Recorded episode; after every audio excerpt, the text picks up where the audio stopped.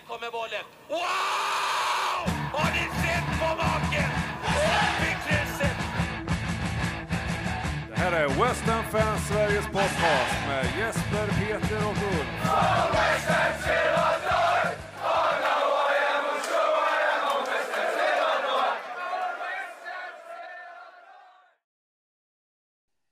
En ny svag insats och tredje raka förlusten och tredje raka utan att ha gjort mål kom mot Nottingham Forest på lördagen. Härnäst väntar möte med Brentford på måndag. Uh, Uffe, du ska få berätta om aktiviteten ni hade i lördags. Eh, sen ska faktiskt jag inleda med att berätta om själva matchen. Ärligt talat så var det inte så jävla mycket att berätta om, jag ska vara helt ärlig. Vi var otroligt bleka. Precis före paus gjorde Avoni, han verkar trivas mot oss, 1-0. I andra halvlek så gjorde Areola på fina räddningar. Philips utvisad, kanske lite hårt så fick han sin andra varning. Nottingham skulle förmodligen haft en straff om jag ska vara riktigt ärlig. Nottingham hade ett mål. Där tycker jag faktiskt det var korrekt att det blev bortdömt för att de interfererade Ariola lite väl mycket. Och sen kom ändå 2-0 i slutet och eh, det är om det. Uffe, vill du berätta, börja med att berätta lite om er aktivitet? Nej, jag ska kommentera lite mer med matchen där. Jag, jag håller inte med dig om Philips utvisning. Jag tycker den är solklar, bägge varningarna. Jag tycker han är... Det är direkt slarvigt att han går in i andra situationen på det viset. Eh, sen tyckte jag faktiskt att han var tillhörde en av våra bästa fram tills han gör bort sig. För han gör bort sig eh, i bägge, bägge situationerna tycker jag.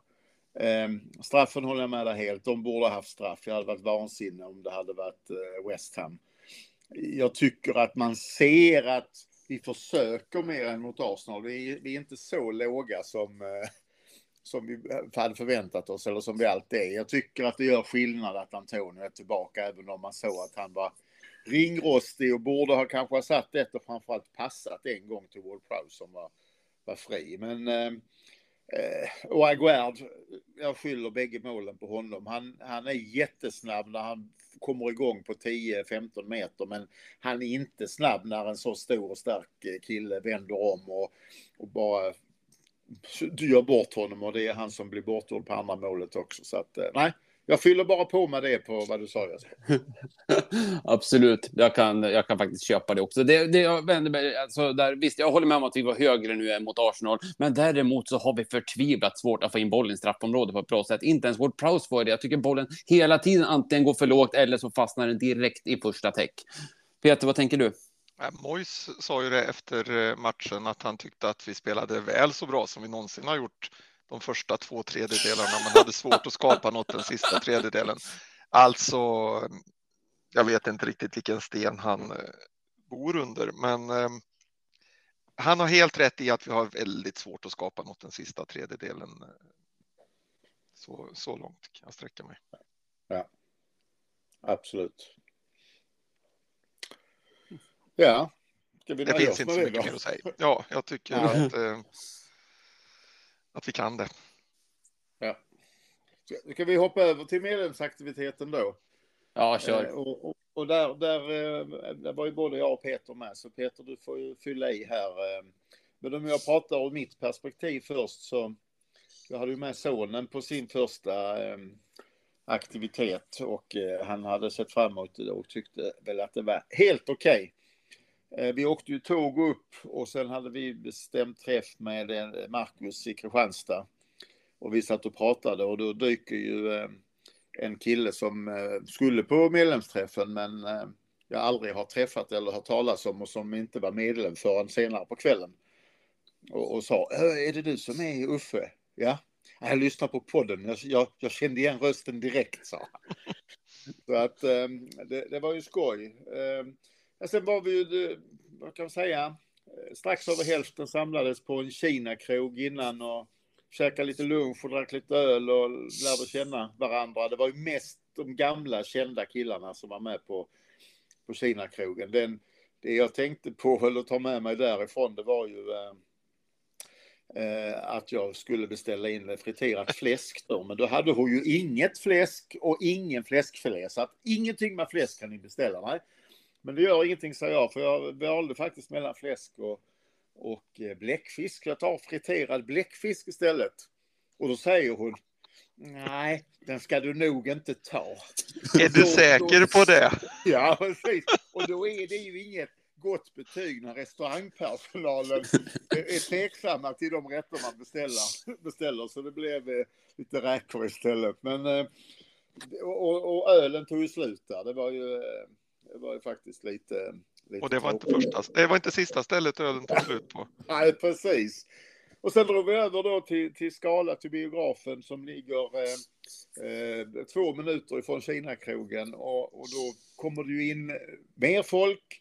Och då är det rätt mycket folk som man aldrig har träffat innan så att man får chansen att lära känna ännu fler eh, West Ham-supportrar.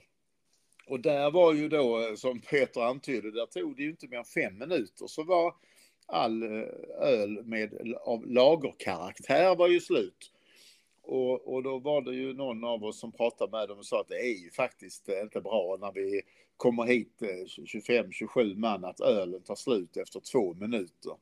Nej men förra året när ni var här då hade ni ju med egen öl och drack in i salongen. Jo men det hade ni ju gett besked om att vi inte fick ha den här gången.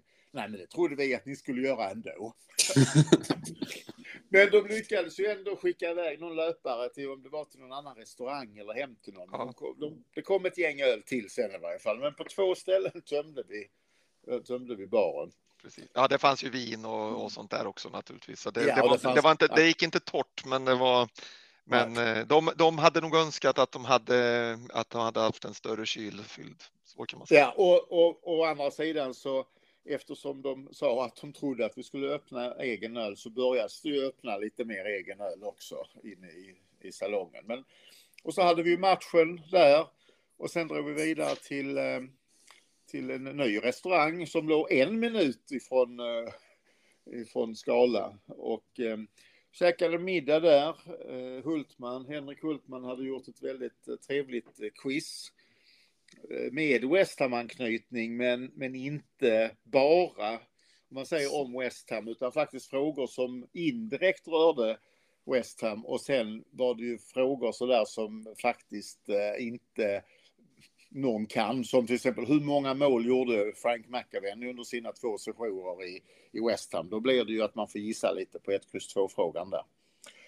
Så att det, den stora överraskningen där var ju faktiskt att min son kom tvåa. Det har han fått mycket beröm för och cred för eh, efter oss eh, faktiskt. Och sen tog vi oss hem. Vi fick skjuts av eh, Per Olsson mycket snällt som tog oss till Hässleholms station. Jag lyckades somna på tåget Eh, ner. Joker var ju så trygg i att jag skulle säga till när vi skulle av, men jag sov ju så att precis innan dörrarna stänger så säger han äh, pappa, äh, är inte detta Lund? Det ser ut som Lund. Och vi fick ju kasta oss av där, men äh, det gick bra och vi kom hem. Så att det, det är liksom, det är min upplevelse av kvällen. Då får du fylla på Peter vad jag har glömt eller missat. Ja, men vi kan väl bara säga det där om Joker då, så är det väl ungefär som när, när min, eh, min, mitt ex och min dotters mamma då, som, eh, som var med till London för, ja, nu blir- det väl kanske en 15 år sedan eller något sånt där och så var hon med och blev trea tror jag i ett, eh, i ett quiz och det var väl 25 pers som, eh, som deltog i det där quizet och så frågade de henne efteråt, fan, alltså var inte du, du har, hur länge har du hållit på West Ham? Ja, jag, jag håller inte på West Ham, sa hon. Va? Ja, men hur kan du allt det här då? Ja, alltså någon fördel ska man väl ha av att vara tillsammans med Peter Larsson. Precis. Så någon fördel ska man väl ha av att vara son till Uffe Berg. Ja. Mm. Eh, nej, men eh, det var en väldigt, väldigt trevlig, en väldigt, väldigt trevlig eh, eftermiddag och eller dag, eftermiddag och Ja, kväll. dag var det. väl- Ja, precis. Precis. Det var väl egentligen bara eh, debaclet på plan då som var som, som, som inte var lyckat. Annars var det, tyckte jag det var väldigt trevligt från, eh, från början till slut. Det var många eh, nya vänner och gamla vänner och eh, ja, folk som var väldigt, väldigt trevliga som var med på, på det här. Och vi var ju, det blev ju till slut 25, tror vi var 25 i slutändan Ja. som, som var med och såg på matchen på biografen, vilket är jättekul. Det var ändå en fucking, eh, fucking lördag i Nottingham vi skulle kolla på. Liksom. Det, var inte, det var inte en cupfinal och vi, vi befann oss inte i Göteborg eller Stockholm utan i Sölvesborg. Mm. Ja, jag tycker det var otroligt bra. Jätteroligt alla ni som var där och som lyssnar nu. Tack ja, så mycket. och, och, bra arrangerat av främst Jörgen Englin och, och Henrik Hultman. Absolut. Ja, det ska Så de ha en shoutout för. Mm. Absolut. Ja, det är väl det vi kan säga om det. Ja, vad roligt. Tack. Det låter Ja. som att jag hade väldigt trevligt. Ja, det hade Är vi. inte det något du undrar? Nu är det klart. Nej, jag har många frågor om detaljer där. Så, så, då tänker jag de som lämpar sig då. Ja, jag, undrar, jag, jag undrar mest om de där bläckfisk, bläck, bläckfisken som Uffe inte fick, om det var friterade bläckfiskringar eller något annat. Ja, det skulle nog ha vi inte. varit. Nej. Ja, nej. att inte ta det. Ja, nej då. Jag tycker det verkar som ni hade väldigt trevligt. Men eh, jag vet att jag ställde frågan förra året också, men för eventuella nya lyssnare som inte hörde det då. hur- Kan ni på något sätt beskriva hur det är att se fotboll på en biograf för de som inte har gjort det? Jag bland annat. Nu fick jag ju för att sätta sig längre fram den här gången.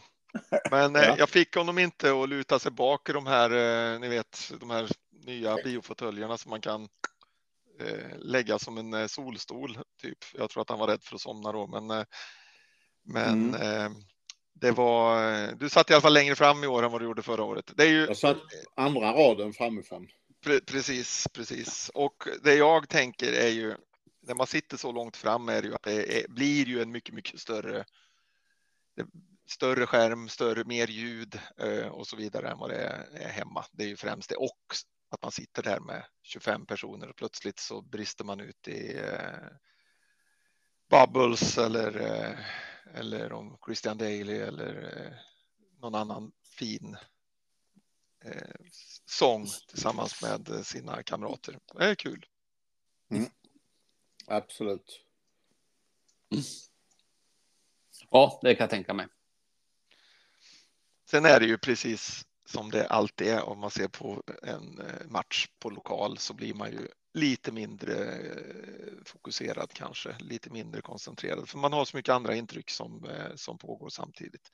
Så det är klart att, eh, att detaljerna blir, blir lite färre eller intrycken, detaljintrycken blir lite färre än de kanske blir om man sitter i tv-soffan hemma.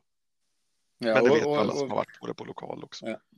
Ja, för mig blir det väldigt tydligt för då det är folk som ska ställa någon fråga och jag, jag ska stämma av med sonen att allt är okej med honom med lite titt som tätt. Det gör jag ju inte när vi sitter i soffan hemma och, och sen ska det skickas whiskys, eh, whisky, snapsar och förbi till de som sitter längre bort. Alltså det är, jag, jag har väldigt eh, svårt att ha samma nivå utav av koncentration faktiskt. Ja, och det har, men det har man ju inte om man går på en O'Learys eller, eller något sånt heller. Eh, Det, det, är ju, det ju samma effekt om man säger. Ja, det, det är också sämre än tv-soffan, men, men eh, det, det är nog ändå lite bättre än vad det här är. Men vi är inte Mm. där för att Ja, titta på match. Vi är där för att träffa folk. Mm. Mm, jag såg matchen i tv-soffan och jag kan säga att ni missade ingenting. Alltså, det, var ju inte, det var inte så många detaljer att hålla reda på, ärligt talat. Nej, nej. Jag, jag, tror att ni, jag tror att ni hade roligare faktiskt. Eh, Jag är Ja, vi hade absolut kul. Ja. Vi, vi får gärna dit eh, ännu fler och, och både nya och gamla medlemmar nästa Mm. år. Det är, det är väl värt att lägga en halvdag på detta.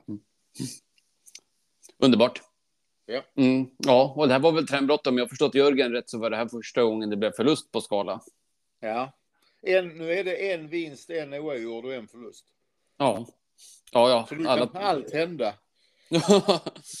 finns inga garantier längre. Det var synd. Mm. Men om vi ska blicka framåt då. Nu på måndag är det dags för derby mot Brentford. Hur är känslan? Ja, nu är det ju så illa så att eh, vi har ju tagit till en, en liten eh, specialåtgärd och skickar dit eh, en löpare i, i, i form av Bengt Olsson som är suppleant i, i styrelsen med hela sin familj som, eh, som ska se över och eh, studera och eh, säkerställa att det blir både mål och seger förhoppningsvis utan att hoppa över eh, staketen som vi hade diskussion för något år sedan att han skulle göra. Men, men nej, nu är, nu är det allvar för nu är, är Olsson där.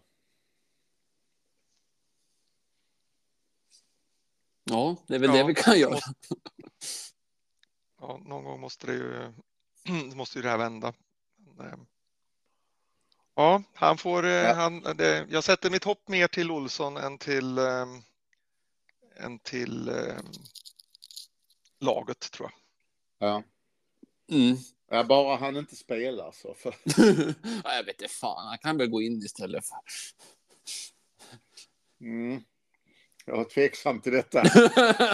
ja, det, det, det måste vara. Ja. Nej, men det, det, det är väl, nu är det ju hemmaplan och det är ett lag på nedre halvan och som ligger efter oss som vi ska vara bättre än. Och vi har haft eh, hyfsat svårt för dem historiskt sedan, de gick upp. Men eh, nej, jag sticker ut hakan och säger att nu fixar vi en seger. Ja, det är bra. Det vågar inte jag göra. Nej. Peter, vad tror du?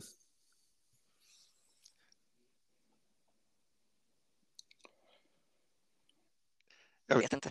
Eh, Eh, Jag tänkte att det skulle se en reaktion reaktion efter, efter, efter Arsenal-matchen och eh, det fick vi inte. Så- Och, eh, varför vi skulle få en reaktion nu efter, eh, efter Forrest borta. Nöjd med vad vi presterar så, Så, nej, ja, var, jag var är inte inte speciellt positiv. Mm. Mm. Du låter nästan lite uppgiven.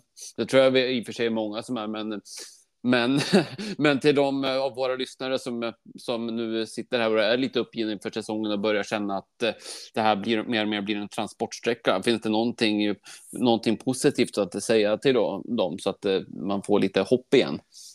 Ja, men det här är ju en Alan Kirbysley i Charlton-säsong i vardande. Första halvan av säsongen så, så ligger man med i toppen av tabellen och sen när kontraktet är klart, vilket det då är, vi tar någon seger till naturligtvis, så, eh, så vänder man eh, eh, fotsulorna, lägger upp dem på bordet och lutar sig bakåt och tar det här till playan i maj. Det, det, är en, det, det är så det känns för tillfället. Och ja, eh, jag hoppas att, eh, att jag har fel på det, men, eh, men eh, mycket ser ju ut som att det är en typisk sån Kirbysley-säsong. Mm. Det, det som jag ser som positivt och ser fram emot är att vi har ju en spännande lottning på fredag. Där det då ska lottas om vilka vi ska möta i, i åttondelen i Europa League och det ska bli väldigt spännande. Absolut, och så ska det bli väldigt spännande att se om, om och när Paketa kommer tillbaks, för det är väl den stora nyckeln till hur resten av säsongen ska kunna, eh, kunna gå. Nu vet jag att vi har haft ett jävla risigt försvarsspel här på slutet, men när vi inte, när vi inte skapar någonting på tre matcher, eh, eller vad det nu är, så, eh, så är det ju så är det ju väldigt tufft. Han behöver komma Ja. tillbaks till det här. Ja, och jag har ju varit i lite, lite kontakt med min insiderkälla idag, men han hade ingenting nytt om Paketär alls, utan vi får utgå från det som sades förra veckan, att han ligger en till två veckor efter Antonio. Och nu var ju Antonio med, så att eh, och vi spelar inte för, förrän på måndag. Och Paketär är ju i träning har jag sett. Eh, och det var han inte för en vecka sedan, så att det går definitivt på rätt håll. Mm. Ja, det är ju definitivt en otrolig nyckelfaktor för att vi alltså ska ha någonting. För det har ju varit bedrövligt framåt de sista veckorna. Mm. Också. ja, också. Ja, ja, ja, jo, det, det, det kan man inte säga något om. Vad fan, vi har inte vunnit sedan mellandagarna. Jag hörde någon, någon i någon podd idag, jag kommer inte ihåg ens om det var en engelsk eller en svensk, men, men där de sa att, att West Hams spetskvalitet, om vi pratar Paketar, Bowen och Kudos, de, de är, så, är så bra de tre spelarna så att de kan vid rätt tillfälle, och om stjärnorna står rätt, vinna matchen själv åt West Ham. En eller två eller tre av dem. Inte för att laget spelar bra och, och dominerar, utan faktiskt att det finns lite spetskompetens som, som överglänser. Ja, kräver ju att vi då du tänker, nollan. du, du, du tänker, ja precis, för du tänker att eh, en av dem kan, kan då göra ett mål. Ja, det, det, så är det ju naturligtvis. Absolut, Ja. det är ingen tvekan om det. Men vi ska ju hålla nollan också. Det går ju inte att släppa in 3, 6 och två mål i matcherna och så ska de göra det på en eh, för, för att de har en exceptionell eh, individuell kvalitet. Mm, precis. Eh, det, det, det blir för tunt eh, i allmänhet. Men är alla tre med, ja då, då höjs det ju lite grann. Det blir ju lite jobbigare för, för eh, våra, inte kära motstånd, men för våra motståndare då. Ja. Och det hade ju varit nimt om eh, Paquetá hade varit tillbaks och spelat de tre nästa matcherna, men det, det är väl för mycket att hoppas. Det är väl i så fall till Everton om din, eh, din eh, tidslinje där ska, ska Ja, hålla. jag, har inte, jag har inte gett upp eftersom han ändå är tillbaka i träning och, och, och var det redan för, eh, för Nottingham-matchen här. Så att jag, jag har inte gett upp måndag, även om jag, det är inga garantier. Mm. Mm, hoppas han inte stressas fram den här gången så att han inte slår upp skadan igen. Precis. Då kan vi gå in och ta lite frågor. Vi kan börja med Albin Grill som skriver. Min fråga lyder, vad fan ska vi göra? Ja, jag vet inte. Vad säger ni andra? Nej, jag tror det, det är bara hårt arbete som gäller och, och, och det går ju inte att, att, att göra en sån här grej när Moyes har i hela sitt liv eh, nästan tusen Premier League-matcher eller vad han har gjort har spelat på ett sätt. Så det är inte så att han säger till spelarna att eh, nu kör vi lite Hawaii-fotboll här och, och vinner med, med 7-6. Han kommer ju bara bli ännu tydligare i, i det han gör och, och eh, om vi bara kan eh, faktiskt skärpa till oss i försvaret så tror jag nog att vi kan börja och gneta till oss lite poäng här och där. Men, men här och nu så har det ju sett alldeles för oinspirerat ut och, och jag säger att som jag sagt flera gånger innan, United-matchen var inte så illa, framförallt inte första halvlek. Jag tyckte ju Bournemouth var värre än United och, och jag, jag tror det är så oerhört eh, viktigt att vi gör första målet så vi får någonting att kämpa för och får lite självförtroende. Mm. Problemet är ju som jag var inne på i höstas när vi hade en dålig period, svag period, att, att eh, eh, Mois mentalitet och go-to-läge i det, i det läget är ju att bli ännu försiktigare, ännu mer Precis. passiv, ännu mer eh, viktigt och inte släppa in det där första målet. Få en 0-0. Problemet är ju att vi kommer att göra en tavla ungefär som vi gjorde mot eh, jag menar när, när man, ja, till exempel när vi, när vi spelade fram.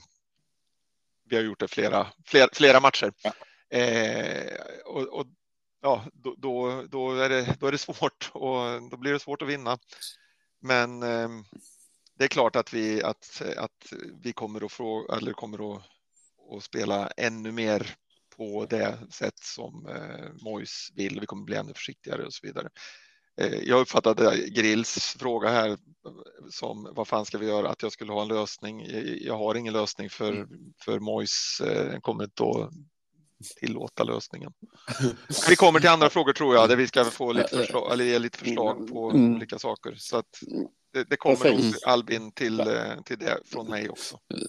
det, tror jag med. Jag tror, jag tror också att frågan var lite uppgivet ställd Ja. liksom att Ja, desperation. Jag vet vad fan vi ska göra längre. Ja, men, ja, men då kan vi gå vidare och ta Fredrik Lindbloms fråga. Kan poddtrion sätta ihop en varsin elva och ett spelsystem som ni tror kan få oss ur den här skiten? Vi har de spelare vi har och så vidare. Ja, då Mm. förutsätter vi att de är friska också, att vi har Paketar och, Ja. och, och så. Ja. Och, och, Mm. och Philips är frisk och så där. Ja. Mm. Mm. Ja, Vem vill börja? Jag kan börja. okej. Ta Ja, inte samma som jag då. ja, jag sätter en 4-3-3 då. Eh, Jag har eh, Ariola i mål Och eh, jag kör Sofall till höger och jag har naturligtvis eh, Emerson till vänster. I mitten sätter jag som höger högerback kliver vår eh, grek in i, eh, i startuppställningen istället för Kurt Zuma som får vila sina stackars knän. Eh, framförallt nu när vi har några matcher här. Vi har tre matcher som kommer där vi förhoppningsvis nu pratar jag emot mig själv då eftersom jag sa att vår eh, go-to kommer att vara att bli ännu mer försiktiga. Men jag skulle ju vilja att, eh, att vi har två spelare som faktiskt kan eh, passa bollen och då blir det han, så blir det Aguerd som eh, tar de platserna. Och ehm, på mittfältet, även om man har inte rosat marknaden, vår kära, vårt kära lån, kanske att ta i, att han är vår käre än. Men eh, Philips eh, är ju en av dem och vi har eh, vi har naturligtvis också vår mexikan Alvarez eh, där och eh, där får eh, också eh, James Ward Prowse gå, inte för att han är så satans bra för tillfället utan för att han eh, ska lägga de där hörnorna som vi inte verkar träna på, som vi också kommer till sen. Eh, och sen blir det Paketa till vänster och så blir det eh, Bowen i mitten och eh, eh, eh Kudos till höger då. Mm -hmm. Intressant. Mm. Verkligen. Mm. Uffe, ska, vill du eller ska jag? Nej, kör du. Ja, eh, jag kör samma uppställning men med andra spelare, alltså som du Peter. Jag kör också Ariola i mål, sen backlinjen från vänster, Emerson, eh, Aguerd, Mavropanos och Sofal. Men som mittfält så kör jag en tre, en tremanna med Alvarez som ankare, den defensiva, och sen mm. som Paketa och eh, Ward Prowse framför honom. Och sen så kör jag med med Kudos och Bowen på varsin kant och sen så Antonio i, på topp. Och sen så förhoppningen att de kan springa och byta plats med varandra och irritera motståndet. Så likt in med andra spelare. Ja, och då, eh, då bryter jag formation då. Jag hade kört en 5-2-2-1. Eh, där jag har Areola i mål och sen så har jag Sofall och Emerson på wingbacks. Eh, och sen så i mitten så kör jag Zuma, Aguerd och Ogbonna. Jag tycker Ogbonna inte har gjort bort sig när han har varit med och nu är det dags att han faktiskt får se till att fixa till det där försvaret lite grann hjälpa till. Eh, den tvåan som sen eh, ska vara lite, lite ankare som någon sa. Eh, Alvarez är självklar där och sen så har jag faktiskt Paketar bredvid honom med en rätt så fri roll. Sen har jag ehm, Boen och Kudos bakom forwardslinjen där de har eh Eh, lite 007 eh, rätt att döda. Ja, de, de eh, går själva och bestämmer vem spelar mer höger, vem spelar mer vänster, vem spelar rakt bakom vår forward. För vi kommer ju att attackera på kanterna med Emerson och så fall rejält. Och sen sätter jag Antonio längst fram som eh, spjutspets, lite tyngre där då. Så det är så jag sätter upp det. Mm. Intressant. Då har vi tre olika alternativ i alla fall. Ja. Yes, är det något ni vill utveckla så här eller ska vi gå vidare? Nej, vi kan gå vidare. Ja. Eller Peter, vill ja. säga någonting? Nej, nej, vi går vidare. ja. Eh, Pelle Olsson skriver, svår fråga, men kan ni hitta något positivt i allt eländet? Hur irriterad var Peter när han hade blivit av med sin kasse med priser i lördags? Alltså det var ju en, nu hörde jag någon som skrattade lite i mjölk här i bakgrunden. Det var ju så här att jag hade med mig lite priser till, eh, våra, till vår quiz och så. Eh, och Eh, de, de här eh, priserna hade jag i en, i en kasse, en papperskasse från Willys och sen så när matchen var slut så skulle vi ta ett kort ett foto vid eh, ett tradition, traditionsenligt foto vid eh, statyn, fontän, är det va? Eller? Nej, kanske inte det. Staty i alla fall. I eh, Sölvesborg på torget. Och jag ställde den här påsen så att den inte skulle synas i, i bilden för jag tyckte inte att den här papperspåsen var så himla snygg då. Och sen när det var taget det här kortet så en minut senare så var vi ju inne på den här restaurangen för den låg ju 20 sekunder därifrån. Och in där och där var vi väl kanske en timme eller något. Han blev mörkt ute och den här, den här fontänen var upplyst. Och så är det dags för prisutdelning och jag börjar leta efter, eh, efter priserna för jag ska ju dela ut priserna. Och hittar ju inga priser, hittar ingen kasse, försöker få folk att lyssna. Men ni vet ju när, när eh, folk sitter och pratar och har trevligt och kanske har druckit en och annan enhet för mycket så är det ju ingen som lyssnar. Så jag blev ju lite, lite irriterad blev jag. För helvete, är det någon som har sett min kasse? Det var ju ingen som hade sett kassen. Och jag fick ju då försöka lugna ner mig lite grann. Så kom jag på att helvete, ställde ju den på torget vid statyn. Och jag ut Eh, där stod den ju kvar. Så det var väl förmodligen den lördagskvällens minst angelägna påse att plocka med sig eftersom eh, den som gick förbi förmodligen hade tittat i den och sett att det var massor med West Ham-attiraljer. Eh, ja, så var det med det. Jag fick tag på den i alla fall och delade sen ut priserna så det, det blev, det blev bra. Ja, och, det, och, och får jag säga apropå det där du sa med, med enheterna där. Det var nog de som bidrog att det blev lite rörigt när vi gick ut från bion för att vi var ju ett gäng som gick in på restaurangen och missade fotot och jag skulle ju betala för bion och det glömde jag och missade jag. Och sen skulle jag precis få in maten när ni kom och påminde mig om det. Så där, där ställde du ju upp Peter och gick och, och pröjsade det. Så att, nej, just, just biten, eh, om man säger utgång från biograf och ingång på restaurangen, där blev det nog lite rörigt. Så jag, ja. jag, jag klandrar inte dig alls för att du glömde den där påsen där. Ja, det var skönt att se att det stod kvar i alla fall när jag kom. Ja, det förstår jag. Ja. Ja, och, ing, och ingen som hade vanärat innehållet med att klottra åt nej, Tottenham eller sånt där obehagligt på den. Nej, precis. nej, den enda Tottenham-supporten som fanns där i närheten var ägaren av restaurangen. och de hade ju också förlorat så att han... Han var ja. väldigt ödmjuk. Ja. ja. Var det därför ölen var slut? Nej, det var inte den restaurangen. Det var den enda restaurangen där inte ölen tog slut. okay, okay, Ja, han, han, den restaurangen eh, ska faktiskt ha beröm för han hade gjort eh, specialpriser på, på eh, maten där så att det var ju minst 50 kronor billigare än vad det kostar normalt för en rätt. Så att det, det skötte de jävligt snyggt. Absolut. Och gott var det. Ja. Mm, härligt. Mm. Och sen för att återknyta till Pelle Olssons första fråga då. Ser ni något positivt i nuläget? Ja, det är Europaäventyret och eh, lottningen på fredag, att Bengt Olsson åker dit och sen är det ju inte mer än eh, ett par veckor till. Sen ska jag också över och se två matcher till och eh, alla matcher jag har sett i år på plats har vi ju vunnit. Så och att, vi, eh, har ju, vi har ju faktiskt 36 poäng. Ja, det är faktiskt det, positivt det att vi inte har 18. Mm. Ja, men det har ju varit förut det vi har haft. Ja. Och det, det, är ju betydligt jobbigare. Så ja. det är ju så här. Jag sitter här och är irriterad och uppgiven och, och så. When it rains, it pours och så vidare. Jag, men jag har ju sagt det innan. Jag har ju svårt att se hur det ska bli annorlunda eh, när, när det väl är inne i ett sånt här. Sen plötsligt så har det ju blivit annorlunda. Plötsligt ja, så vinner vi någon match. Alltså, det, och det vet ju jag också naturligtvis.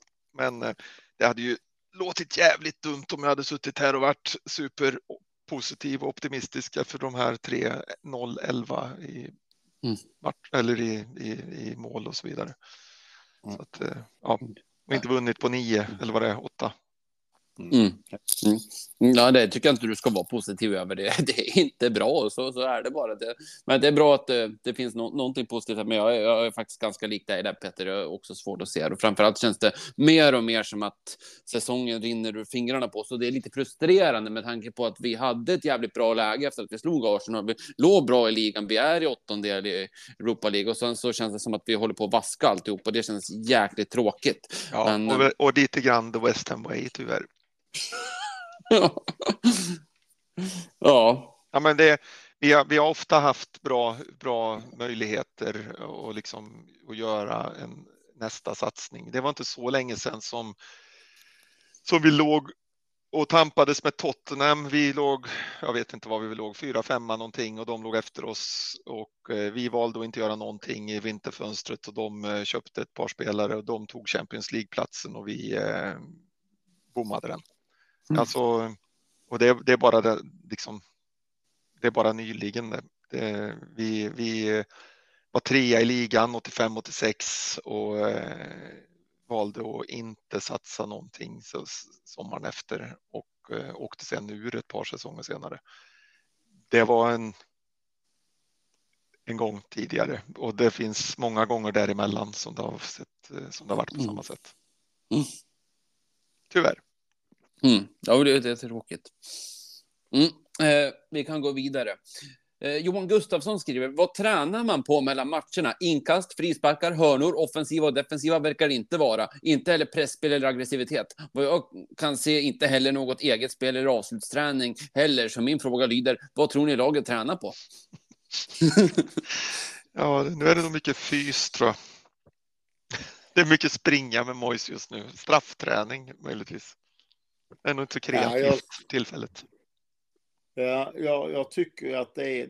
Alltså det är ju, det är ju ingen hemlighet att, att nästan inget Premier League-lag tränar liksom på att spela 11 mot 11 eller 7 mot 7. Utan man spelar 5 mot 5, 3 mot 3, 3 mot 5, 5 mot 3.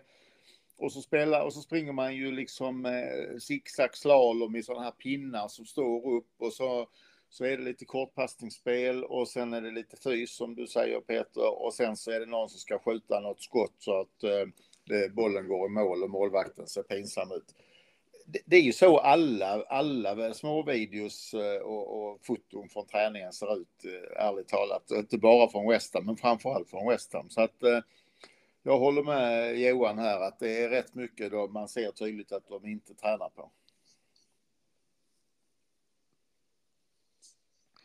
Och vi har ju varit inne på det här förut också. Det känns ju som att vi eh, Mois skickar ju skick, skick, och det har man ju fått höra i, i eh, intervjuer med, med spelare och så där också. Antonio. Mm. Eh, men att man, eh, att man inte att man inte lägger så stor vikt vid det offensiva spelet till exempel, utan att, att eh, det är någonting som bara löser sig Ja. med hjälp av kreativitet hos spelarna. Men då hjälp, gäller det ju verkligen att vi har spelare som har den här kreativiteten.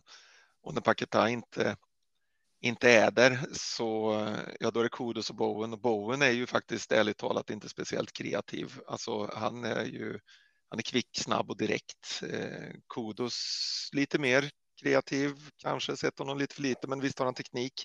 Men han är ju lite för svag då själv, alltså eh, lite för vek helt enkelt. Han, han, han är bra, men han kommer att bli ännu bättre när han bygger på sig sex kilo muskler till.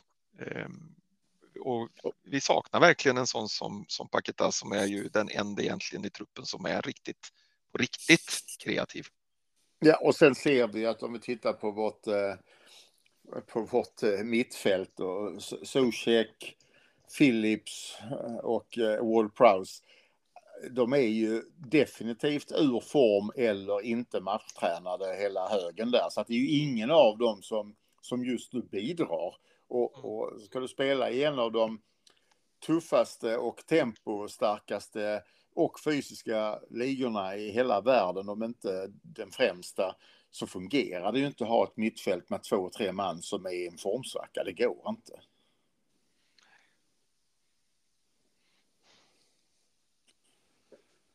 Nej, det är allt för sant. Mm. Mm. Ja, och det är ju inte bara två, tre. Alltså, det, det, vi har ju. försvaret är ju inte heller i form och Nej, men var det mittfältet. Ant- Antonio kommer tillbaka. Ja, jo precis. Men jag menar, vi har, det går inte, det, det, när, när det är så och det dessutom är sju man till som är ur form så, så blir det ju helt omöjligt. Det är ju bara Ariola som har visat form på slutet Ja, absolut. och, och han har släppt in 11 mål på tre matcher. Precis. Fy fan vad deppigt det lät. Målvakten är den enda som har visat form och vi har 0-11 i målskillnad. Ja, Ja. ja det säger... Ja, eh, ja, jag håller med dig, men det säger så enormt mycket om, eh, om läget. Alltså hur det har sett ut de här sista matcherna. Ja, Men han hade ju ett par otroliga räddningar här i Ja, ja. början på andra halvlek Ja, i den här matchen. Absolut. Absolut. ja definitivt. Det, det säger jag inget om, men det är, Nej, nej, ja, rätt- det men, det, men det är rätt illa att det är så. Ja, ja, men, ja, jag håller helt med dig. Ja. Ja, eh, vi kan gå vidare. Christian Forsberg skriver, om vi fortsätter med kräftgången, hur många matcher kan vi fortsätta att förlora innan Moyes får gå? Eller blir han kvar säsongen ut oavsett? Hur är Kevin Nolan som coach-tränare ifall han får gå in som huvudtränare i någon match? Har han någon erfarenhet alls? Ni börjar bli kända i podden, ni blir igenkända på tåg och annat bara på rösten, blinkning. Tack för mycket trevlig supporterträff i Sölvesborg med vänliga hälsningar Christian. Ja, om vi ska ta den då, om vi börjar med Kevin Nolan. Han har ju varit manager, det var väl för Notts County han var en mycket kort session, så fick han sparken. Jag, jag, ju, Var han inte, var han inte Leighton också eller var han bara där som spelare? jag tror bara han var där som spelare. Ja, så kan det vara. Eh, men, jag, men jag sticker inte ut hakan och säger att jag har hundra på detta. Eh, men jag tror att det var så. Eh, jag är övertygad om att skulle Moyes gå och vi sätter in en interim så är det ju eh, Kevin Keane som eh, flyttas upp ifrån eh, U18. Nu har vi åkt ur FA Youth Cup dessutom ju, så att han har inte så mycket att göra där och vi har lånat ut massa spelare. Så att jag tror att det är Kevin Keane som för tredje gången, eller om det är fjärde till och med, går in som interimtränare. Jag tror inte det är Nolan. Och sen, hur länge får Moyes stanna? Jag vet inte hur mycket frågor har vi om Moyes, eh, Jesper? För jag har lite inside om, om Moyes och, och eh, Mm. andra. Ja, det- Det kommer fler, men ta det du så får vi se sen om vi anser att det blir svarat på de senare frågorna. Ja, därför då, då har ju eh, huvudkällan eh, haft viss kontrakt här efter matchen i lördags och stämt av. Och tongångarna är lite annorlunda från styrelserummet. Det är inte så att det sägs eh, definitivt att ah, men, eh, nej, vi har fullt förtroende, vi, eh, det här är inga problem, utan det som kommer nu är att eh, Nej, vi har ingen eh, intention här och nu att byta, men vi hoppas verkligen att det här eh, vänder på, på spelet och resultaten väldigt snabbt nu. Så att det är en liten Eh, distinktionsskillnad där.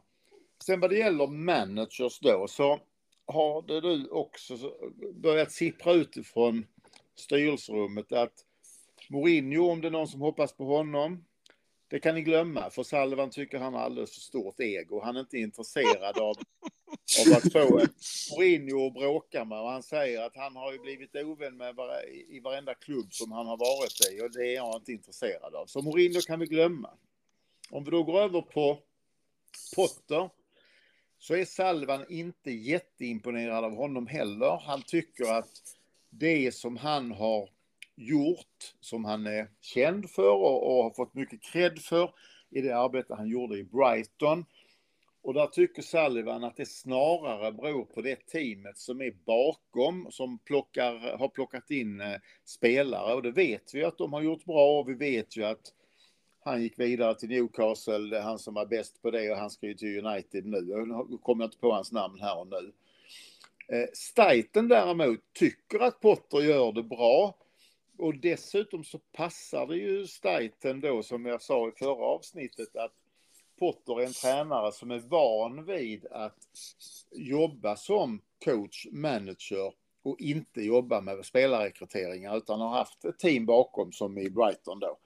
Och det vill ju Staiten att vi ska jobba likadant här i West Ham. Så han tycker Potter är ett bra alternativ. Sen är det ju otroligt mycket tyska och österrikiska eh, tränare som det tittas på.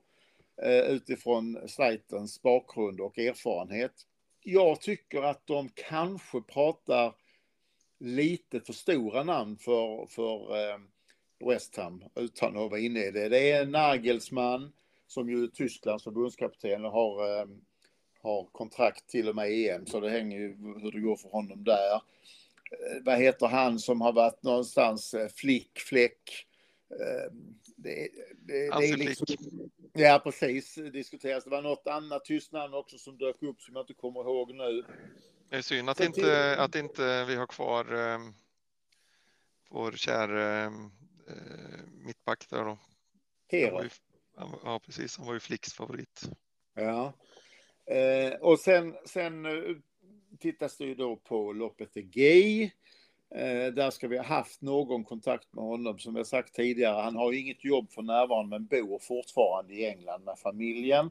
Och var ju besviken då eh, att Wolves inte skulle satsa några, några eh, transfersummor i somras och gick av eh, två, två dagar innan säsongstarten. Det var då Gary O'Neill kom in där och har gjort det otroligt eh, bra. Så att, så att det börjar ju diskuteras lite tydligare. Det börjar sippra ut lite mer saker. Så att jag tror fortfarande att Moise är kvar säsongen ut, men jag blir mer och mer trygg i att han inte kommer att få förlängning. Eh, och, och, sen är det ju hela havet stormar på managerfronten. det är ju många klubbar, Barcelona, Liverpool till exempel, eh, eventuellt, eh, eventuellt Chelsea, som behöver ny manager. Tuchel var också ett namn som dök upp här eftersom det ryktas att han kommer att få sparken ganska snart från Bayern München. Det är kanske ingen jag vill ha, men ja, det ska bli spännande att höra ryktena vecka för vecka nu beroende på vad resultat går. Mm. Intressant, tack. Mm. Eh, kan jag gå tillbaka då till frågan? Ja, gör så. Christians fråga var ju om vi fortsätter med kräftgången, hur många matcher kan vi fortsätta att förlora innan Mois får gå? Vi har förlorat tre raka nu, vi har inte vunnit på åtta. Det kan inte vara så många matcher kvar. Det som talar för honom är ju att, att eh, i så fall är ju att eh, vi som sagt redan är klara för nästa säsong. Och kvar i Europa. Kvar i Europa mm, eh, och att vi, eh, att det, det som då och att han kostar pengar att sparka. Sen är han ganska billig att sparka nu eftersom han bara har kontrakt tills sommaren. Precis. Men eh, så många matcher kan det inte vara som är kvar. Jag, jag tror att, att nu har vi ju på pappret då tre matcher mot lite sämre motstånd. Vad är det? Brentford, Everton och eh, ett till är det ja. väl innan vi har Villa. Ja, det är det. Jag ja. hade det här, vänta lite. Eh, Burnley. Ja, så, så säga att vi inte gör det tillräckligt bra, för då har vi alltså Brentford och Burnley hemma, Everton borta. Och då säger jag, vi förlorar mot Everton borta. Och så bör vi nog helst ta två segrar där. Sen har vi ju två Europamatcher som kommer. Skulle vi åka ur Europa och inte få tillräckligt bra resultat på de här tre matcherna innan vi börjar få svårare matcher igen, då tror jag han ryker innan Aston Villa-matchen där. Ja, det låter, det låter rimligt. Eh, om han nu får gå så mm. är jag inte alls säker på att vi tar in någon, eh, någon ny manager redan under året, utan som sagt en interim manager. Jag tänker att vi kan gå med honom hela, hela resten av säsongen på grund av att vi, att vi har eh, eh, säkrat kontraktet redan. Och jag tror inte att det blir Kevin Keen i så fall. Jag tror att det blir eh, John Heitinga. Du tror det? Ja, det tror jag. Eller så ringer de Warburton så kommer han in. ja, det skulle vara det då. Det skulle vara ja. det. Eh, han har ju redan gått som, eh, som eh, var tränade nu senast i Ajax och eh, han är en billig lösning. Men jag tror inte heller att det blir, eh, att det blir eh, Kevin Nolan som för övrigt började sin managerkarriär i eh, Leighton. Han var där Ja, han var spelande, spelande tränare där. Det var han också i Notts County, men i Notts County valde han att inte spela. Alltså han satte inte in sig själv. Mm. Och där var han också lite längre. Mm. Eh, det jag men jag tror inte att han. Sen tror jag. Eh, ska se, jag bara kollar frågan. Nej, det var, var inget mer jag behövde gå in på där. Tack själv. Christian. Bra träff. Ja, det var det. Trevligt att träffas. Det, det jag tror talar mot Heitinga är att han är ju ny i klubben. Han kom väl i somras. Gjorde han. Det är väl det jag känner att nej, men då har vi Kevin Keane som har varit i klubben, eh, inte, inte hela tiden, men i stort sett sedan 86-87. Så att ja, vi får se. Mm. Jag är inte säker på att, eh, att, ehm, eh, att det värdesätts eh, av Sullivan, om det nu är han som tar beslutet. Mm. Kanske att den här sportsliga kommittén, att Mark Noble till exempel förordar det. Men, Ja. men, jag är inte säker på att Sullivan ser det som en... Han har väl borta en sväng här under honom också, var han inte det? Alltså under tiden som de här eh, senaste ägarna har varit så har väl inte har väl inte han varit i klubben hela tiden va? Eh, Jag, jag kan inte svara. Jag har dålig koll på eh, när han har gått in och ut. Han har ju varit andra tränare eller suttit i teamet i Liverpool bland annat. Mm. Så att han har varit i West Ham. Jag ska se när det är bra caretaker. Eh, du, du, du, du, du. Han har varit tre gånger caretaker i West Ham innan och och 2016 var han eh, manager i Colchester så då har han inte varit där eh, hela tiden. Nej, och efter det har han varit i, i Liverpool också. Mm. Ja. Men tre gånger har han gått in som caretaker Mm. i West Ham. Så det har han ju, det har han bra koll på. Ja, absolut. Mm. Ja. Mm, men då blir det inte Nolan då. Nej, det är jag ganska, det är jag väldigt trygg med att det inte blir. Ja, samma här. Mm. Ja, intressant i alla fall. Ja, när vi ändå är inne på det så kan vi ta Hans, Hans Herolds fråga. Nu skrivs det mycket om nya tränare, allt från Lopetegui till Potter till och med Tuchel. Ska det bytas ganska omgående eller bäska med till säsongen är över? Ta ett snack om fördelar respektive nackdelar med dessa två alternativ. Sen tycker jag att Philips första kort var idiotiskt, men han visade ändå lite jävlar anamma. Vilken annan spelare gjorde det? Kanske också kan tas upp varför det är så. Har övriga checkat ut? Ja, men vad sa vi om vi börjar? Två alternativ skriver men han skrev tre namn, va? Gjorde han inte det?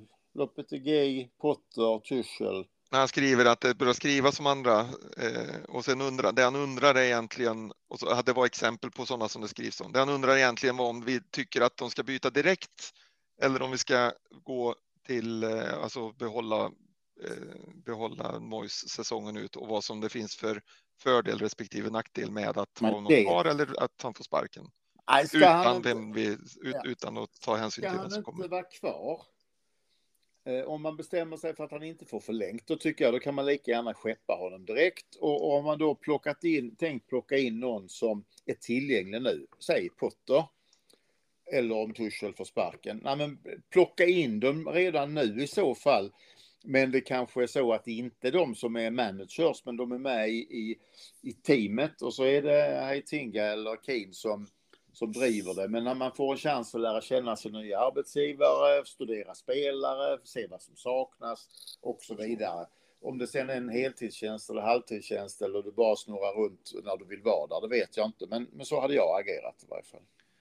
Alltså har man en plan och den är klar och den personen som man har tänkt ska, är tillgänglig, eh, då tänker jag då är det bara att, då är det bara att låta silkessnöret gå och så anställer man den personen. Men jag tror ju inte att planen är klar. Jag tror inte att man vet vem det är man vill ha och eh, jag tror inte att man eh, eh, att därmed vet man inte heller om den personen är tillgänglig.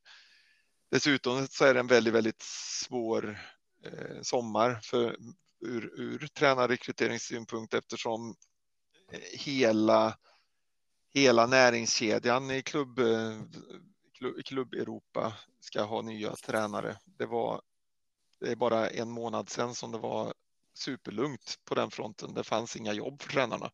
Nu finns det plötsligt hur många som helst. Och eh, det är klart att då, då vill ju tränarna säkert också hålla sina dörrar öppna möjligheten kanske fundera lite extra och så där. Så ja, det, jag, jag, tror att vi, jag tror att vi är ett offer för eh, omständigheterna just nu, men eh, jag tror heller inte att vi har någon, någon, eh, någon plan tyvärr. Nej, och, och, och, eh, och det som då gör det ännu svårare är ju dels att vi har ett EM i sommar. Eh, och, och, sen så det, dessutom att vi har satt oss i den här situationen med att vi har för lite homegrown spelare så att antingen måste vi köpa in rejält med spelare eller och eller flytta upp en hel del ungdomar ur laget. Så att det, det är ingen optimal situation eh, att, att göra sig av med sin nuvarande tränare här och nu. Nej, och att, att flytta upp spelare, det, det, är ju spelare som ändå hade fått spela som inte hade behövt tillhöra truppen som vi flyttar upp då. Så att det, det, det blir ju en, en halv trupp han får jobba med, den nya tränaren. Ja, Eller, så illa kanske inte det är, men det, det, det, kommer att vara, det kommer att finnas en hel del hål i truppen till hösten. Och det kommer att vara svårt att och göra business i sommar eftersom eh, alla, är, alla spelare som vi kan titta på spelar EM i stort sett om vi inte ska vara i Sydamerika. Mm. Ja, intressant. Det är bara svenskar vi kan köpa. Mm. Ping, Johan Elofsson. De blir inte homegrown. Nej, men de är inte med i, nej, de är inte med i eh, EM-slutspelet. Vi pratade om att se på Eh, sydamerikanska spelare. Ja. Eh, han, han, nämnde nämligen för mig i, eh, när vi träffades nu i helgen att Peter, visst är det så? Du vill inte ha några svenska spelare i West Ham? ja, han kanske har rätt. Jag har inte tänkt på det på det sättet, men han kanske har rätt. det blir så jävla jobbigt när de är dåliga bara. ja, vi har inte haft så många lyckade. Spontant så känner jag det är bara en svensk jag hade velat ha i, uh, i West Ham. Det är Alexander Isak. Ja, men vi behöver väl fylla på talangpoolen lite grann också. Men eh, mm. annars håller jag med dig. Det bo, eh, jag, jag har ingen... Eh, en frisk Alexander Isak. Jag har ingen eh, riktig relation till de andra landslagsspelarna de som är mm. färdiga, de som ska anses gå in och ta en plats. Nej, de känner vi inte till. Nej. Eh, för ett år sedan hade jag nog sagt att jag tyckte Jesper Karlsson hade varit intressant, men han var ju ganska blek när vi mötte Alkmaar och sen har han inte fått spela i Barcelona och mer vet inte jag. Så att han var, eller Bologna såklart. Och, så att han var säkert inte heller så jävla märkvärdig. Så att nej, det är väl, det är väl ingen som är intressant så sett. Nej. Nej, jag har inget emot att ta in svenska, men de ska ju vara bra. Man ska inte ta in dem bara för sakens skull. Precis. Nej. Mm. Ja, det var bara ett sidospår. ja, det är bra. Ja. Eh. Mm, Philips då, första kortet var idiotiskt säger ju Hans Errold, men han visar ändå lite jävla namma. Och så ställer han ju också frågan, vilken annan spelare gjorde det och vad beror det på? Har an, övriga laget checkat ut? Ja, det var väl, det, det var väl eh, i så fall eh, Eh, Ariola som eh, hur, hur, mycket en målvakt nu visar jävlar anamma, men han, han visade ju att han vill spela i alla fall. Annars tyckte jag det var eh, svagt överlag. Sen, sen eh, han killen som ställer sig framför Philips eller bollen när han ska slå den snabba frisparken som han sen knuffar undan. Han ska ju också ha gult kort som ställer sig där ärligt talat. Ja. Jag tyckte det var rätt bra att han, att han tryckte bort honom, men sen, mm. sen får han ju inte fortsätta. Sen måste han ju hålla fötterna i styr. Nej, men han, han fick väl det? Han... Det, var, en, det var väl det första kortet, eller? Vem? Philips första kort. Nej, jag pratar om att han som ställde sig framför bollen skulle ja. fått gult kort. Ja, precis. Men var inte det det första kortet? Var inte det jo, det första? Jo, jo, ja. det är när han det är, i alla fall två, det är i alla fall två personer i, ehm, som fick gult kort då. Dominguez ja, ja, och Philips. Då kanske han fick det. Ja, jag tror det. Men jag, jag kan inte... Men det är där... Jag sa inte att han inte fick, jag sa att han skulle ha. Och det fick han, så det var rätt. jag tänkte att det var en typisk eh, sån här detalj som lätt gick förbi när man satt på Ja, ja, men jag missade det. Absolut. Ja, ja, men jag är inte säker på att det var samma. Han kan ju ha fått det för, eh, för, fri, för att han eh, tacklade någon fingret frispark. Det vet inte jag. Domaren var inte bra i den här matchen ska jag säga alltså. Hur många gula kort delade han ut om du har det framför dig? Han delade ut, eh, ska vi se här. En, två, tre, fyra, fem, sex, sju, åtta, nio, tio, elva. Elva gula kort. Ja, I en match som om vi ska vara ärliga inte var det minsta ful på något vis.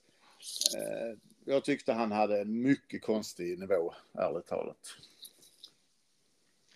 Ja, precis. Det Mm. är rätt många elva gula kort. Elva gula kort är mycket i vilken match som helst. Ja. Mm. Mm. Och en match som inte ens är ful, ja det är mycket. Mm. ja, Tydligt fram. Ja, nej visst. Det var en hel del domslut där som var märkliga. Eh, men för att gå vidare så skriver Mats Persson, lyft fram alla framgångar vi haft de senaste åren. Diskutera gärna om vilka manager ni tror kan ta oss till nästa nivå.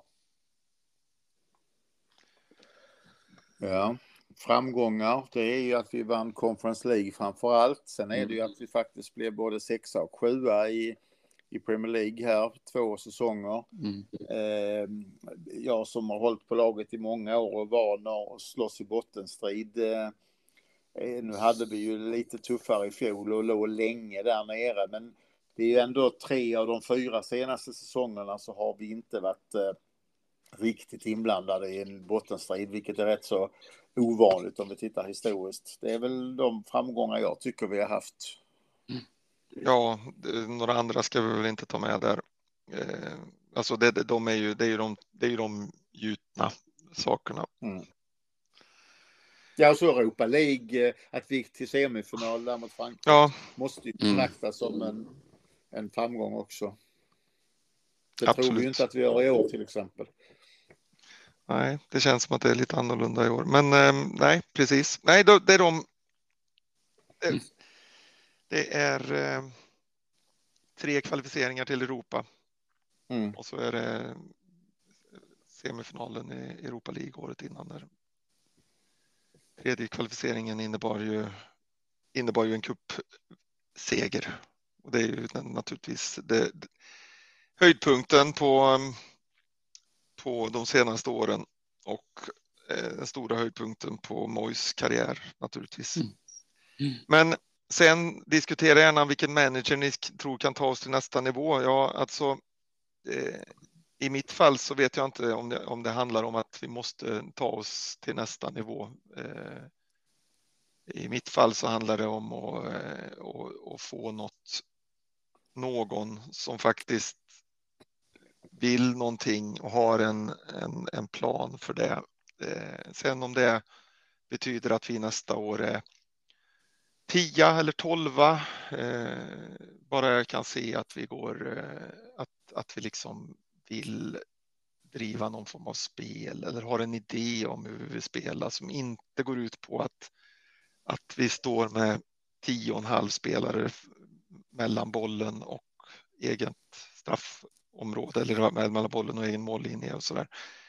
Eh, Mm. Jag vill ha någon som, som liksom kommer in, gjuter lite mod i spelarna och vill, och, och, och liksom vill att vi, ska, att, att vi ska på något sätt spela fotboll. Vi ska ändå veta att det finns ingen, alltså vi pratar väldigt mycket om, eh, om eh, att hur bra Moise har gjort det jämförelsevis med alla andra tränare vi har haft. Men det är också så att det finns ingen tränare i West Hams historia som har haft så jävla bra backning som Moise har haft. Han har haft. Oerhörda pengar och tillgångar och, och eh, jobba med jämfört med alla andra och då inkluderar vi Pellegrini också i det. Eh, så det är klart att, att någonstans så, så kan man faktiskt också ha lite krav på, på, på Mois. Och han levererat det vi precis sa och jag tänker att det är det Mats var ute efter. Eh, Men för mig är inte det eh, allting. Eh, Nu vann vi nu vann vi kuppen och det var kanske lite grann så här eh, att ändamålet fick helga medlen, men, men eh, nu vinner vi ingen kupp i år, tror inte jag. Och då är det dags att, att gå vidare för min del. Nu, nu satte ju inte Mats Persson var det va? Mm. Han satte inga begränsningar alls. Så att jag säger Klopp, Guardiola och eh, Alonso. Mm. De kan ta oss till nästa nivå. Ja, klart. Jag är osäker på Guardiola. Han har väl aldrig jobbat inom en budget någonsin. Nej, men jag tror ändå att han löser det. Han tar oss till en annan nivå. Ja. Vi, vi kommer att spela samma kortpassningsspel fast på, på offensiv planhalva istället för defensiv. Ja, fan, det vill jag inte heller. Nej, och jag håller med dig Jesper, för jag tycker det är förbannat tråkigt att se på Manchester City. Ja, fy fan. Det är, det inte kul. Precis som jag tyckte det var tråkigt att se eh, Barcelona när de var som bäst. Ja, exakt. Otroligt skickliga, men så jävla passiva. Ja. Ja, ja, det, ja nej, vi kanske inte kommer så mycket längre där.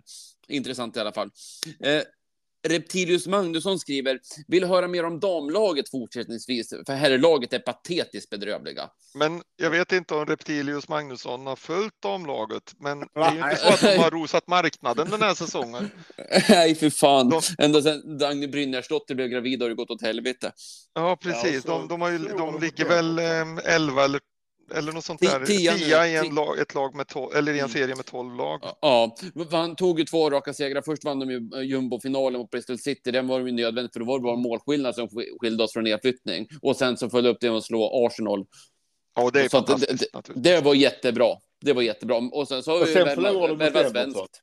Ja, precis. Men det är ändå Ja. fem poäng ner till nedflyttning nu. Så att det, Ja, är det, är, det, är det bara ett lag som åker ur?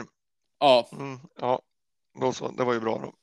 Ja, så Ja. det, det har blivit lite bättre där. Men sen så, och nu har ju faktiskt Dagny Brynärsdotter blivit mamma för andra gången. Hon kanske kan komma tillbaka och det, det behövs. Hon är lag till särklass bästa spelare. Mm. Och, Och- sen så den här nya svensken Och hammer through and through. Ja, precis. Sen barnsben. Mm. Mm. Ja, och sen så hon, Ber- Bergman Lundin värvades från, från Häcken också, men, men Ja. jag vet inte riktigt hur bra hon är. Nej, men häck, Häcken har ju varit bra, men eh, jag vet inte heller. Eh, Mm, hon, borde, hon borde vara tillräckligt bra för ett lag som ligger 10 av 12. I, det, det tror jag. Det tror jag. Ja, det, är väl ungefär det vi har att säga om damlaget just nu. Förhoppningsvis så rosar de också marknaden lite bättre framöver. Där är jag mest fr- frustrerad över att det det så sällan går att se laget. Alltså, det är ganska sällan via Play sänder Mm. West Hams damlag. Ja. Men eh, ja, det, vi- förhoppningsvis får vi anledning att återkomma där också. Eh, Stefan Andersson skriver, blir det någon träff i Göteborg? Ja, jag förmodar att han, eh, att han relaterar till den här... eh, Jag ska inte säga att vi har diskuterat. Vi har undersökt intresset för att ta, få dit Dave och X och eh, någon gammal spelare till Göteborg. Jag, jag tror det är det han relaterar till. Jo, skulle tro det. Ja, och, och det som då eh, vi gjorde var ju att vi verkligen undersökte intresset för att eh, vi har diskuterat detta tillsammans med dem. Sen, sen har jag haft problem att få eh, kontakt med Dave som är den som jag diskuterar det med. För när, när de gånger jag pratar med X så knuffar han mig till dig för att de har ju sin uppdelning i sin West Ham Way-firma. Och först var det Daves eh, dotter som hade skadat benet och sen var han sjuk själv. Och det jag kan tycka är tråkigt är att, att det är hela tiden jag som jagar. Jag känner inte att han är proaktiv och, och, och jagar mig när han inte är med dottern eller när han är frisk.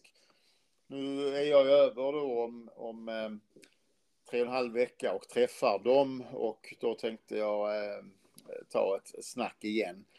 Eh, jag tror inte att det blir nu i vår. Jag tror att det blir i höst och det har egentligen varit min approach hela tiden. Jag tror att, att det kanske blir lite fel när vi började undersöka intresset att folk trodde att Nej, men då blir det om en månad eller om två. Det, det var mer för att få någon slags grogrund för att börja planera. Så att jag, jag tror att det blir till hösten snarare än, än till våren. Och skulle jag gissa, blir det av? Eh, jag skulle nog säga att det är en 70-80 procent att det blir av och 20-30 procent att det inte blir av. Mm, intressant. Ja. Hoppas det blir det. Vore, vore jäkligt kul. Absolut. Mm. Eh, ja, då kommer vi fram till sista frågan. Claes Åkesson skriver, pubbarna är vi bra på, men finns det egentligen någon god mat i Stratford? Någon bra restaurang att rekommendera? Det finns det väl eh, precis som i, alltså, ska man åka för matens skull så åker man inte till eh, England. Och ska man åka för, för eh, de fina restaurangernas skull så åker man kanske inte till östra London. Men eh, det är klart att det finns bra käk på, i Stratford. Vi, vi har ju hittat en kines vi brukar vara på till exempel. Den har absolut hyfsat krubb. Mm. Jag skulle Mm. säga att om man, vill ha, om man vill ha lite finare mat så ska man gå in och käka på någon av dem, som jag säger, eh, eh, barerna, inte pubbarna, som ligger eh, emellan eller precis i utkanten av eh, Westfield på väg mot eh, arenan. Kanske inte The Cow, för det, det är mer pub, men, men de som ligger strax innan där till vänster och höger är, är rätt så hyfsade. Sen har man ju den foodcourten på Westfield, inte den som ligger på bottenvåningen som bara är snabbmat, utan den som ligger uppe vid kasinot. Där finns eh, också en del hyfsade restauranger. Eh, även om det fortfarande är foodcourt-stuk. Och där, där har de ju en pizzarestaurang som har fått pris för de bästa pizzorna i hela världen. Och nu är det inte specifikt den i Stratford utan det är en kedja. Den här kedjan har, har fått pris som de bästa pizzorna i, i hela världen. Så att, när jag är där nästa gång så är jag faktiskt sugen på att gå upp och, och prova en pizza där. Mm. Ja, det lät ju gott. Ja, jag, jag käkade en kycklingburgare på Carton Horses, men den var god förvisso, men till säker, den såg lite farligt röd ut, så jag vet inte om jag vågar rekommendera den. Nej. Men, och det kanske också är mer pub då än en restaurang. Men det, Ja. finns, det finns i alla fall så man kan få lite god mat. Men det är ju som du säger Peter, just det där med mat är engelsmän inte så jävla bra på faktiskt. Alltså jag har en kompis som utbildade sig till kock, eh, för nu är det ju rätt länge sedan då, för det var ju, jag menar, jag börjar bli rätt gammal och han är lika gammal som mig, nästan. Eh, Men i alla fall så utbildade han sig till kock lite, lite senare, i, inte på gymnasiet utan eh, någonstans där i, någonstans kanske 25-årsåldern. Och eh, de skulle, när, under den här utbildningen så skulle de åka eh, skulle de göra en, det var en eh, internationellt le- lite grann så där, så att de skulle ha, de skulle iväg och göra, göra praktik utomlands. Vet inte om de var borta en hel termin eller om det var, men det var, rätt så länge i alla fall och eh, de blev uppdelade. Det var någon som skulle ha det italienska köket och hamnade i Rom och någon skulle vara i Paris och få det franska köket och någon var i Spanien och det spanska köket. Ja, ni, you get the picture. Eh, och eh, så sa de till, eh, till Jon och hans kompis bara, ja, ni, ni, ni ska till London. Och de bara, fan det är ju gött alltså. Ska, ska vi göra om det engelska köket då, sa de. "Eh, Engelska köket sa de och såg lite förvirrade ut, eh, de här som höll i utbildningen. Nej, det, det, det får ni inte göra. Ert, eh, ert, eh, ert blir om det libanesiska köket. För de hade inte tillräckligt mycket matkultur i England för att det skulle vara intressant. Enligt Nej, och- de här utbildnings... Och det är en bra beskrivning. Och Jag, jag har ju varit otroligt mycket i England, inte bara för West Ham utan även med, med jobbet under årens lopp. Och jag har ätit på jättefina restauranger på olika ställen i England. Men det är ju, det är ju utländska restauranger där. Libanesiska eller italienska eller någonting sånt där. Till och med när du går på, på rätt så dyra krogar i, i centrala London runt Leicester Square eller Covent Garden. Även där är det ju inte någon alltså riktigt fin mat. Det, det är god mat, men det, ska, du, ska du ut till riktigt fina restauranger, då ska du ut till, eh, till West End och runt Kensington och, och eh, riktigt dyra ställen. Men då, då blir det liksom nästan icke lösbart. Så att det, det finns andra ställen än London, precis som du säger Peter. Mm. Men kinesen kan vi tipsa om. Han, Ja, han kan få adresset det är inga problem. Ja. Ja, nej, absolut. Eh, Det finns, finns lite grejer. Det, det, det sista du sa, det där West End och de där fina kvarteren, det, det är lite för overkill för mig i alla fall. Ja. Yes. Nej, Det var frågorna. Det är något ni vill tillägga när vi rundar av?